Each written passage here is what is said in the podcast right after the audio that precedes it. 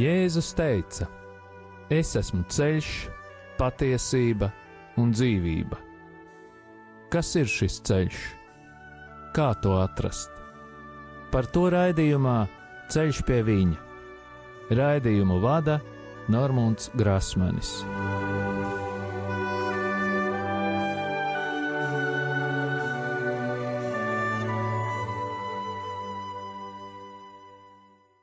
Lai ir slavēts Jēzus Kristus.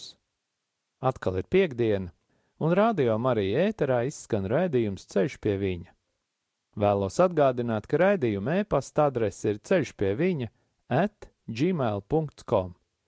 Turpinu pateikties visiem klausītājiem, kuri atceras mani un pārējos radio Marija darbiniekus, brīvprātīgos un arī ziedotājus savās lūkšanās. Vēlos pateikties katram klausītājam, kurš ar savām lūkšanām un finansiālo ziedojumu atbalsta radio Mariju skanējumu ēterā, lai Dievs jūs bagātīgi svētī un arī katru atbalstītāju un visus mūsu kopumā. Un tagad, kā jau ierasti, lūgsim aizsardzības lūgšanu par radio Mariju darbiniekiem un brīvprātīgajiem, par katru klausītāju un mūsu ģimenes locekļiem. Jēzus Kristus vārdā mēs pārņemam autoritāti par savu ģimeni un sasaistām visus ļaunos spēkus un varas gaisā, telpā, zemē, ūdenī, pazemē, dabā un ugunī. Dievs, tu esi kungs pāri visam visumam, un mēs atdodam tev slavu un godu par tavu radību. Tavā vārdā, Kungs, Jēzu Kristu, mēs sasaistām visus demoniskos spēkus, kas ir nākuši pār mums un mūsu ģimenēm, un ieslēdzam mūs visus tavu dārgo asiņu aizsardzībā, kas mūsu dēļ tika izlietas pie krusta. Marija, mūsu māte, mēs lūdzam tavu aizsardzību un aizbildniecību pār mums un mūsu ģimenēm ar svēto Jēzus sirdi. Ietin mūsu savas mīlestības apmetnī un sakauj mūsu ienaidnieku. Svētais arcēnģeli Mihēlu un visi mūsu sargaņģeļi. Nāciet aizsargāt mūsu un mūsu ģimenes šajā cīņā pret visu ļauno, kas ir šajā pasaulē. Jēzus Kristus vārdā un caur viņa dārgajām asinīm mēs sasaistām visas ļaunuma varas un pavēlam tām atkāpties šajā brīdī no mums, mūsu mājām un mūsu zemes. Mēs pateicamies Tev, Kungs, Jēzu, jo Tu esi taisnīgs un līdzjūtīgs Dievs. Āmen! Jēzus Kristus vārdā un Viņa krusta un Viņa izlieto asiņu spēkā mēs sasaistām jebkura ļaunuma varas spēku garus un pavēlam tiem, lai tie nebloķē mūsu lūgšanas. Mēs salaužam jebkurus lāstus, burvestības, kas ir vērsti pret mums, padarot tos tukšus un bezspēcīgus. Mēs salaužam jebkuru uzdevumu, kas ir dots jebkādiem gariem, kas vērsti pret mums, un sūtām viņus pie Jēzus, lai viņš dara ar tiem, ko vien vēlas. Kungs, mēs lūdzam, lai tu svētī mūsu ienaidniekus, sūtot savu svēto garu pār tiem, lai vadītu viņus uz grēku nožēlu un atgriešanos. Mēs pārcērtam jebkādas saites un saziņu ļauno garu pasaulē, kas ietekmē mūsu un mūsu lūgšanu. Mēs lūdzam Jēzus izlieto asiņu aizsardzību pār mums un mūsu ģimenēm. Paldies, Tev, Kungs, par Tavu aizsardzību! un sūta pār mums savus eņģeļus, jo īpaši svēto erceņģeli Mihēlu, lai viņš mums palīdz šajā cīņā. Mēs lūdzam tevi, vadi mūs mūsu lūgšanās, un izlaies pār mums ar savu svēto garu, tā spēku un žēlsirdību. Āmen! Šis vakars būs sevišķs, jo mēs nerunāsim par maldiem. Šovakar runāsim par osteopātiju. Šī dziedināšanas paņēmiena dibinātājs ir Andrew Taylors Stils, kurš ir dzimis 1828. gadā Virģīnijā, metodistu mācītāja ģimenē. Jau kopš mazotnes viņam patika rūpēties par slimajiem. Viņa tēvs vadīja misiju pie indiāņiem Kanzasā. Iesākumā viņš piecus gadus mācījās un apguva inženieru izglītību, bet no 1855. gada apmeklēja Kanzasas pilsētas skolu ārstiem un ķirurgiem. Sākotnējo ārsta praksi Teilors iegūst strādājot armijā, un jau armijā esot, vēlāk piedalās pilsoņu karā. Medicīniskā pieredze kara laikā un traģiskais zaudējums, kad muguras smadzeņu iekaisuma epidēmijas dēļ mīra viņa trīs bērni, bija iemesls šaubām par tradicionālās, tolaik populārās medicīnas ārstēšanas metodēm un to vērtību. Lai veidot pareizu attieksmi pret osteopātiju, ir jāzina, kā funkcionēja medicīniskā prakse pirms vairāk nekā simts gadiem, tik lielā valstī kā Amerikā. Toreiz nebija medikamentu, tādu specifisku slimību kā mazasinība, tuberkuloze, plaušu karsonis un malārija ārstēšanai. Ķirurģija bija ļoti asiņaina nozare, un līdzekļi anestēzijai vēl nebija izgudroti. Tādējādi dakteris Teilors nolēma atrast maigāku slimnieku ārstēšanas veidu un alternatīvu narkotikām, kas tajos laikos tika izmantotas narkozes vietā. Teilora agrākā inženieru izglītība kļuva par pamatu medicīniskajos dziedināšanas meklējumos, un viņa īpašās novērošanas spējas un arī īpašais talants izdarīt pareizus secinājumus noveda viņu pie tā, ka viņš pilnībā pazaudēja visas ilūzijas par medicīniskajām praksēm, tāpēc viņš atteicās no narkotiku pielietojuma medicīnā. Varbūt, ja Teilors būtu dzīvojis mūsu laikā, viņš nebūtu bijis tik jūtīgs attiecībā pret narkotikām. Un tā 1874. gadā Teilors sāk izmantot manuālās tehnikas, ko viņš nosauca vienā vārdā - osteopātija. Pateicoties šīs metodas labajiem rezultātiem, Teilors kļūst atpazīstams. 18 gadus vēlāk Dr. Stils pierādīja, ka viņa izstrādātā tehnika ir devusi daudzkārt lielākus rezultātus nekā parastās ārstēšanas metodas. Tāpēc viņš nodibināja osteopātiskās medicīnas skolu Kirksvillē, Misūrī štatā, ASV. Kopš tā laika Paralēli tradicionālās medicīnas skolām veiksmīgi sāk attīstīties arī osteopātiskās medicīnas skolas. Diemžēl šīs skolas lielākoties veidojās ASV, un tikai no 1940. gada arī Anglijā. Eiropas Savienības valstīs vēl pavisam nesen šo skolu atvēršana atļauta netika, tāpēc pat šodien šīs skolas nav īpaši pazīstamas un to apmācības tiek uzskatītas par neskaidrām un aizdomīgām. Prasmīgi ārsti, kas ir arī kvalificēti osteopāti, Eiropā ir daudz mazāk zināmi un atzīti nekā ASV vai arī Lielbritānijā.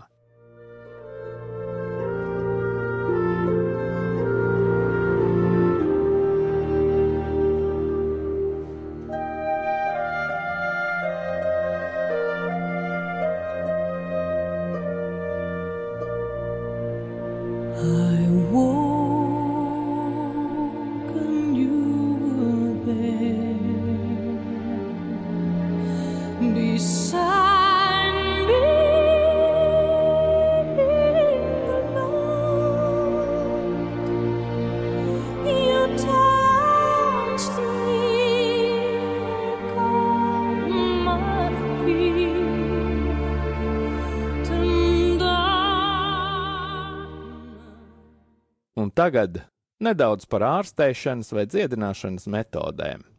Osteopātija ieņem plašu darbības lauku, kas ietver sevī kaulu un locītavu ārstēšanu. Ja manuālās terapijas pamatā ir locītavu ārstēšana, tad osteopātijā tiek iekļauta gan locītavu un muskuļu, gan saistaudu un skriemeļu ārstēšana. Manuālā terapija vairāk uzmanību pievērš kakla reģionam, lai organismā atjaunotu vispārējo līdzsvarotību. Ja pacientam ir muguras problēmas, tad manuālais terapeits vairāk balstās uz rengēna izmeklējumiem. Turpretī osteopāts lielāku uzsvaru liek uz savām spējām, lai noteiktu slimības diagnozi un sajūtām, lai sekotu dinamiskām ķermeņa izmaiņām, lai to ārstētu tā, ka ķermenis varētu atsākt funkcionēt pareizi un normāli. Kopumā manuālais ārstēšanas veids nav tik ērts kā osteopātija. Šeit mēs varētu pieminēt arī fizioterapiju, kurā tiek izmantot manuālās terapijas elementi. Mēs varam saskatīt to, ka manuālās terapijas tehnikas ietver sevī relatīvi mazu daļu no tā, kas patiesībā ir jāapgūst ārstam, lai pilnvērtīgi varētu ārstēt, un šīs tehnikas atšķiras no osteopātijas tehnikām. Fizioterapeits strādā pēc tāda medicīniskā modeļa, kur noskaidrojot slimības vai ķermeņa simptomus, var nonākt pie gala diagnozes, kas tiek bāzēta uz struktūrālām, patoloģiskām izmaiņām ķermenī. Lai gan dažādu manuālo terapiju pielietojums, to mērķi un teorijas ir savstarpēji saistītas, atšķirības starp osteopātiju, manuālo terapiju un fizioterapiju ir viegli saskatāma. Ir svarīgi pasvītrot to, ka dakteris stils nenoliedz visas medicīniskās teorijas, bet gan meklē jaunu pieeju slimību ārstēšanai, turklāt pievēršot īpašu uzmanību mehāniskajām līdzdarbībām.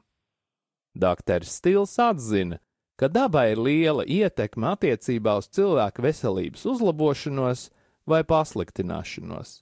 Tāpēc viņš uzskatīja, ka labam ārstam ir jāpalīdz dabai saglabāt vai atjaunot homeostatisko spēku, kurš noved pie labas veselības.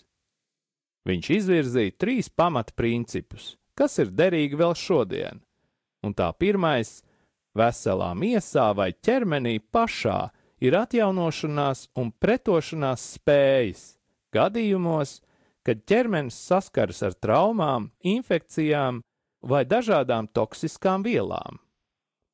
Otrais - ķermenis ir vienots veselums, tāpēc viena nepareizi funkcionējoša ķermeņa daļa vai struktūra var nepareizi ietekmēt citas ķermeņa daļas.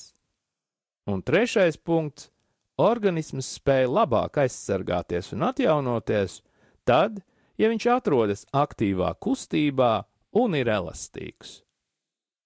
Tas, kā organisms pats norīko aizsardzības mehānismus cīņā pret dažādām slimībām, mūsdienās, protams, ir neapstrīdams fakts. Dakteris Stils saviem skolniekiem mācīja, ka ķermenis pats saražo organismu atjaunojošās un ārstējošās vielas. Šodien mēs to traktējam kā organisma bioloģiskās spējas. Secinājumi, ka organismam ir sava aizsardzības sistēma, ietver to, ka slimības veidojas tad, kad organisma pašaizsardzības spējas kļūst vājākas, un tādējādi viena pēc otras var rasties slimības, jo ar ķermeni kaut kas nav kārtībā. Kad pie doktora stila atnāca slimnieki, Viņš apskatīja visu pacientu kopumā.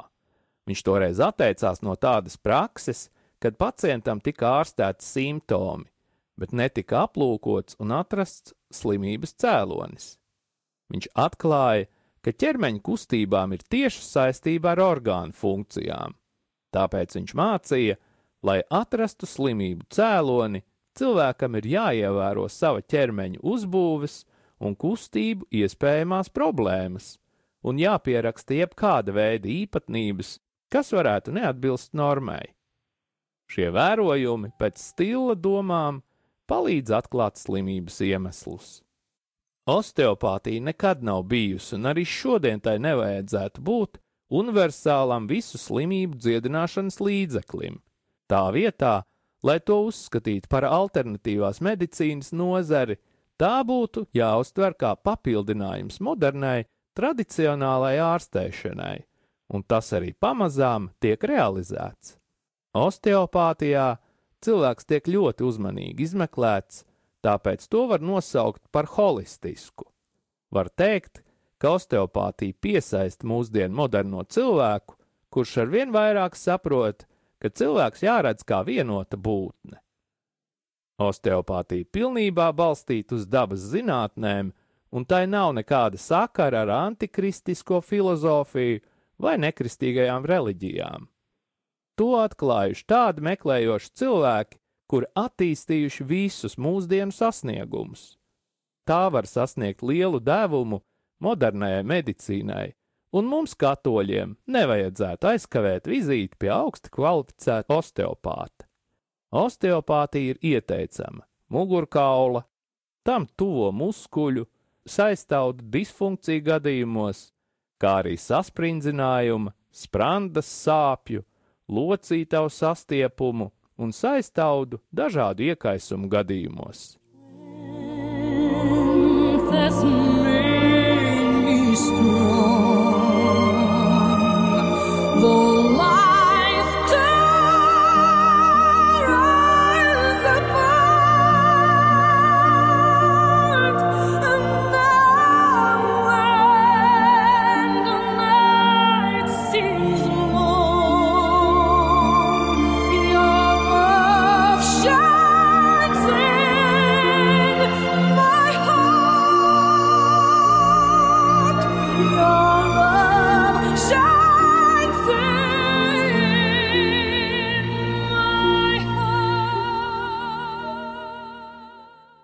Šovakar tātad turpināsim aplūkot grēka dažādās šķautnes no Tomislava Ivančiča grāmatas Tikšanās ar dzīvo dievu.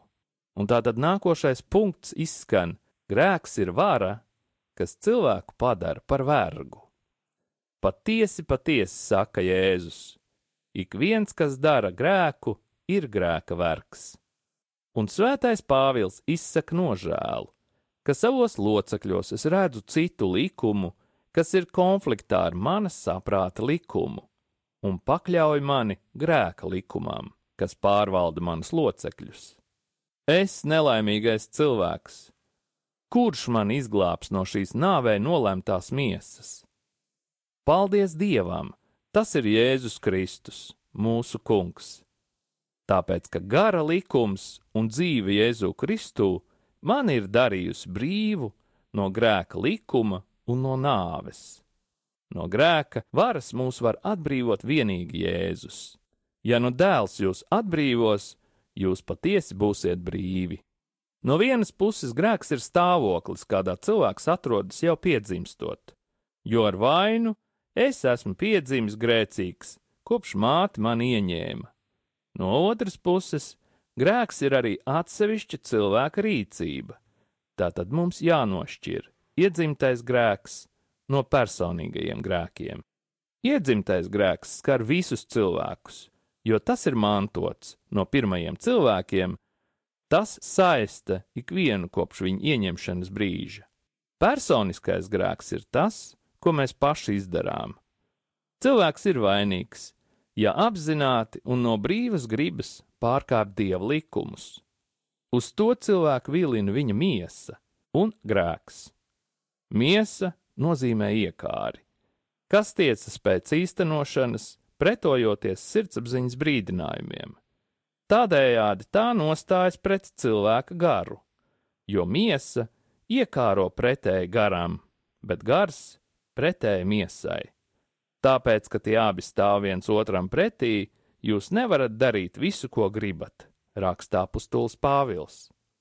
Svētais Jēkabs saka līdzīgi, bet tik vienu kārdinu viņa paša iekāras, kas to ar ēsmu pievilina un velk sev līdzi. Tā nu iekāre, ieņemdama dzemdē grēku, bet grēks nobriestot dzemdē nāvi. Salīdzina šos vārdus ar Pāvila vēstuli Efeziešiem. Tieši tāpat pasaule ir pretrunā ar Dievu. Nemīliet pasauli, nedz to, kas ir pasaulē.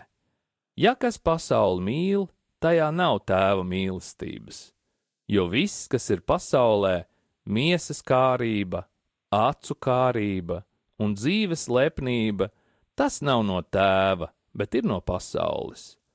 Tā nu, lai mēs tiktu atbrīvoti no grēka verdzības, mums vajag izdarīt divas lietas atteikties no pakļautības ļaunajam un atteikties no pasaules. Kad esam atsacījušies no pasaules, Šajā jomā ļaunais vairs nevar mūs pavedināt uz grēku. Ja kāds neatsakās no visa, kas viņam pieder, tas nevar būt mans māceklis. Tā ir teicis Jēzus. Tātad grēks gulstas pār zemi, kā pašos pirmsākumos izsacīts lāsts. Lai labāk iepazītu grēku, aplūkosim, kā Bībelē, Mūzes grāmatas trešajā nodaļā ir aprakstīta pirmā grēkā krišana. Šīs grāmatas pirmā un otrā nodaļa attēlo pasaules un cilvēku radīšanu. Dievs rada cilvēku vienkārši izsekot savu vēlēšanos. Viņš rada pasauli caur savu vārdu. Šā radīšanas akta laikā dieva gars lidinās pār radību. Radīšanas grāmatā jau zināmā mērā nojaušams dieva trīsvienīgums, jo tajā runāts par dievu, kurš rada, par garu, kurš lidinās pār ūdeņiem, un pār Dieva vārdu, caur kuru viss ir radīts. Ir tāds iespējas, ka ar cilvēku radīšanu Dievs ir īpaši nodarbināts. Taisīsim cilvēku pēc mūsu tēla, pēc mūsu līdzības. Un kungs Dievs izveidoja no zemes pīšļiem cilvēku un iepūta viņa nāsīs dzīvības dvašu. Dievs radīja cilvēku kā savu attēlu, sev līdzīgu. Līdzība dievam pirmkārt ir tāda, ka Dievs cilvēkam deva saprātu un brīvu gribu, un arī tāda, ka viņš cilvēku radīja nevis viengabalainu, bet it kā trīskārtīgu, gluži kā Dievs pats. Proti, cilvēks tika radīts kā vīrietis un sieviete, ar iespēju viņu vidū rasties vēl trešajam, bērnam. Bībele akceptē tieši šo cilvēku līdzību dievam, un dievs radīja cilvēku pēc sava tēla, Pēc dieva tēla viņš radīja to, vīrieti un sievieti viņš radīja. Kaut arī divi viņi tomēr kļūs viena miesa, tikai abi kopā. Viņi ir cilvēks. Kad Dievs radīja Ādamu, viņš to radīja Dieva līdzībā. Vīrieti un sievieti viņš radīja, un viņš svētīja viņus un nosauca tos par cilvēkiem, kad tie tika radīti. Līdzība Dievam ir arī tajā, ka cilvēkam ir spēja komunicēt ar Dievu. Un kungs Dievs sauca cilvēkam un teica viņam: Kur tu esi? Un tas teica: Es dzirdēju dārzā tavu balsi. Līdzība dievam skaidri atklājas arī tajā, ka cilvēks ir radīts kā pasaules kungs un nolikts pār visu dzīvo radību.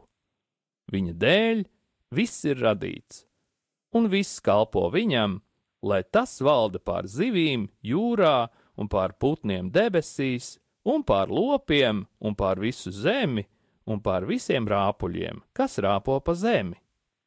Augļojieties un vairojieties, piepildiet zemi un pakļaujiet to. Un vēl viena pirmā cilvēka līdzība ar Dievu - viņi bija nevainīgi, labi un tīri kā bērni.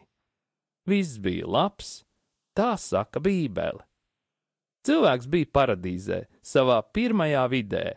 Viņš bija kungs pār visu, brīvs, labs un laimīgs. Un tā, nākošajā raidījumā mēs atkal turpināsim ieskatu Tomislava Ivančiča grāmatā Tikšanās ar dzīvo Dievu. Vēlos atgādināt, ka katra mēneša pirmajā sestdienā Gustava Zemgala gatavē 48 Rīgā mīlestības mājā notiks dzimtes dziedināšanas seminārs. Pieteikšanās caur interneta mājas lapu mīlestības māja.lv. Un kas notiks šajā seminārā? Mēs ieskatīsimies dziļāk tajās praktiskajās cilvēka darbībās, kuras ir saistītas ar grēku, un tā, kā cilvēks, un mēs iepriekš jau skatījāmies, kā Dievs radīja cilvēku kā vīrieti un sievieti, Tāpats cilvēks sastāv no divām daļām, bet ir viens veselums. Un ja mēs varam tādā sajūtu veidā to iedomāties, tad kādi 50% no cilvēka varētu būt miesa, un 50% varētu būt gars. Un ja mēs vērojam, ka viena miesa ir ķermenis un gars, tad mēs arī saprotam, ka mūsu rīcība skar ne tikai miesu, bet skar arī garu bet cik daudz kristiešu apzinās to, ka gars, kuru mēs nevaram redzēt, kuru mēs nevaram sajust, ir realitāte, kura ir ar mums kopā. Un tā tad ievainota tiek ne tikai miesa, bet ievainots tiek arī gars. Un caur ko mēs to izdarām? Mēs to izdarām caur savu grēku vai caur grēku, kuru kāds cits izdarījis mums. Un ja mēs pēc tam lūkšanā nožēlojot, vairāk varam domāt par miesu, par to reālo darbību, ko mēs esam darījuši, vai visi kristieši skaidri apzinās to, ka arī gars ir traumēts, un ka mums ir jālūdz arī gārā dziedināšana, gārā atbrīvošana. Un šajā seminārā mēs ieskatīsimies šajās trīs sistēmās, trīs vērtībās, galvenajās, kuras ir katram mums. Tas ir Dieva sistēma, tā ir Sātana sistēma, un tā ir mūsu sistēma, es sistēma. Mēs pavērosim tuvāk gan Dieva sistēmu, gan Sātana, gan savu, un pēc tam būs paraliturģiskā lūkšana, kur mēs varēsim savienoties ar savu garu, ja kāds to nav izdarījis, Ja kāds to ir izdarījis, paldies Dievam!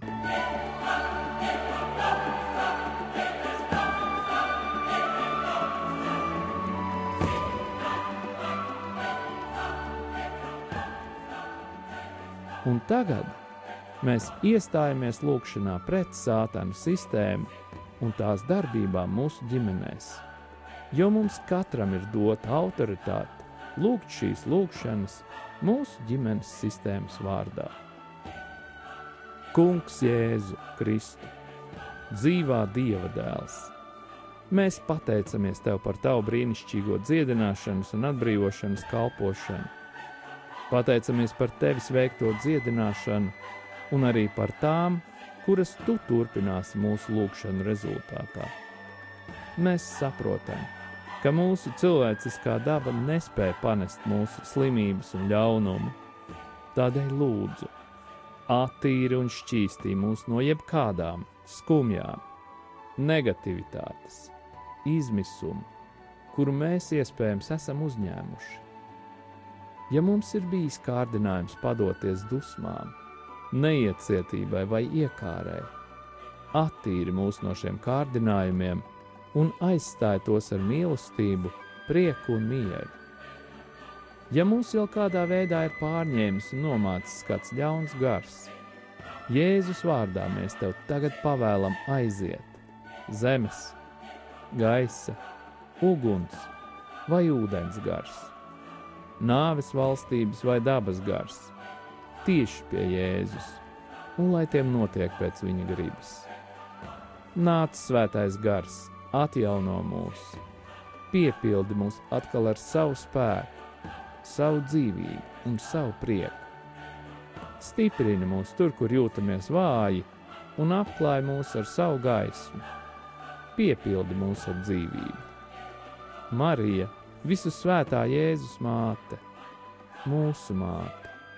Svētais arcāņģēl Mihēl, mēs tev pateicamies par jūsu aizbildniecību. Kungs Jēzu lūdzu sūti savus svētos eņģeļus kalpot mums un mūsu ģimenēm, apsargāt un aizstāvēt mūs no visām slimībām, ievainojumiem un nelaimes gadījumiem. Lai mūsu ceļojumi ir droši, mēs tevi slavējam, tagad un vienmēr, Tēvs, Dēls un Svētais Gars. To visu mēs lūdzam Jēzus svētajā vārdā, lai tas tiek godināts Āmen! Un tagad saņemiet pāvesta Franciska svētību. Kungs Jēzus Kristus, lai ir pār mums, lai mūs svētītu, lai ir pie mums, lai mūs pavadītu, un lai ir ar jums un mums, lai mūs aizsargātu, lai mūs svētītu Dievs Tēvs un Dēls un Svētais Gars, lai asinis un ūdens, kas izplūda no Jēzus Kristus sirds, izplūst pār mums, un lai šķīstītu atbrīvo un dziedina. Saņemiet svēto garu, Dieva tēva un dēla un svētā gara vārdā Āmen!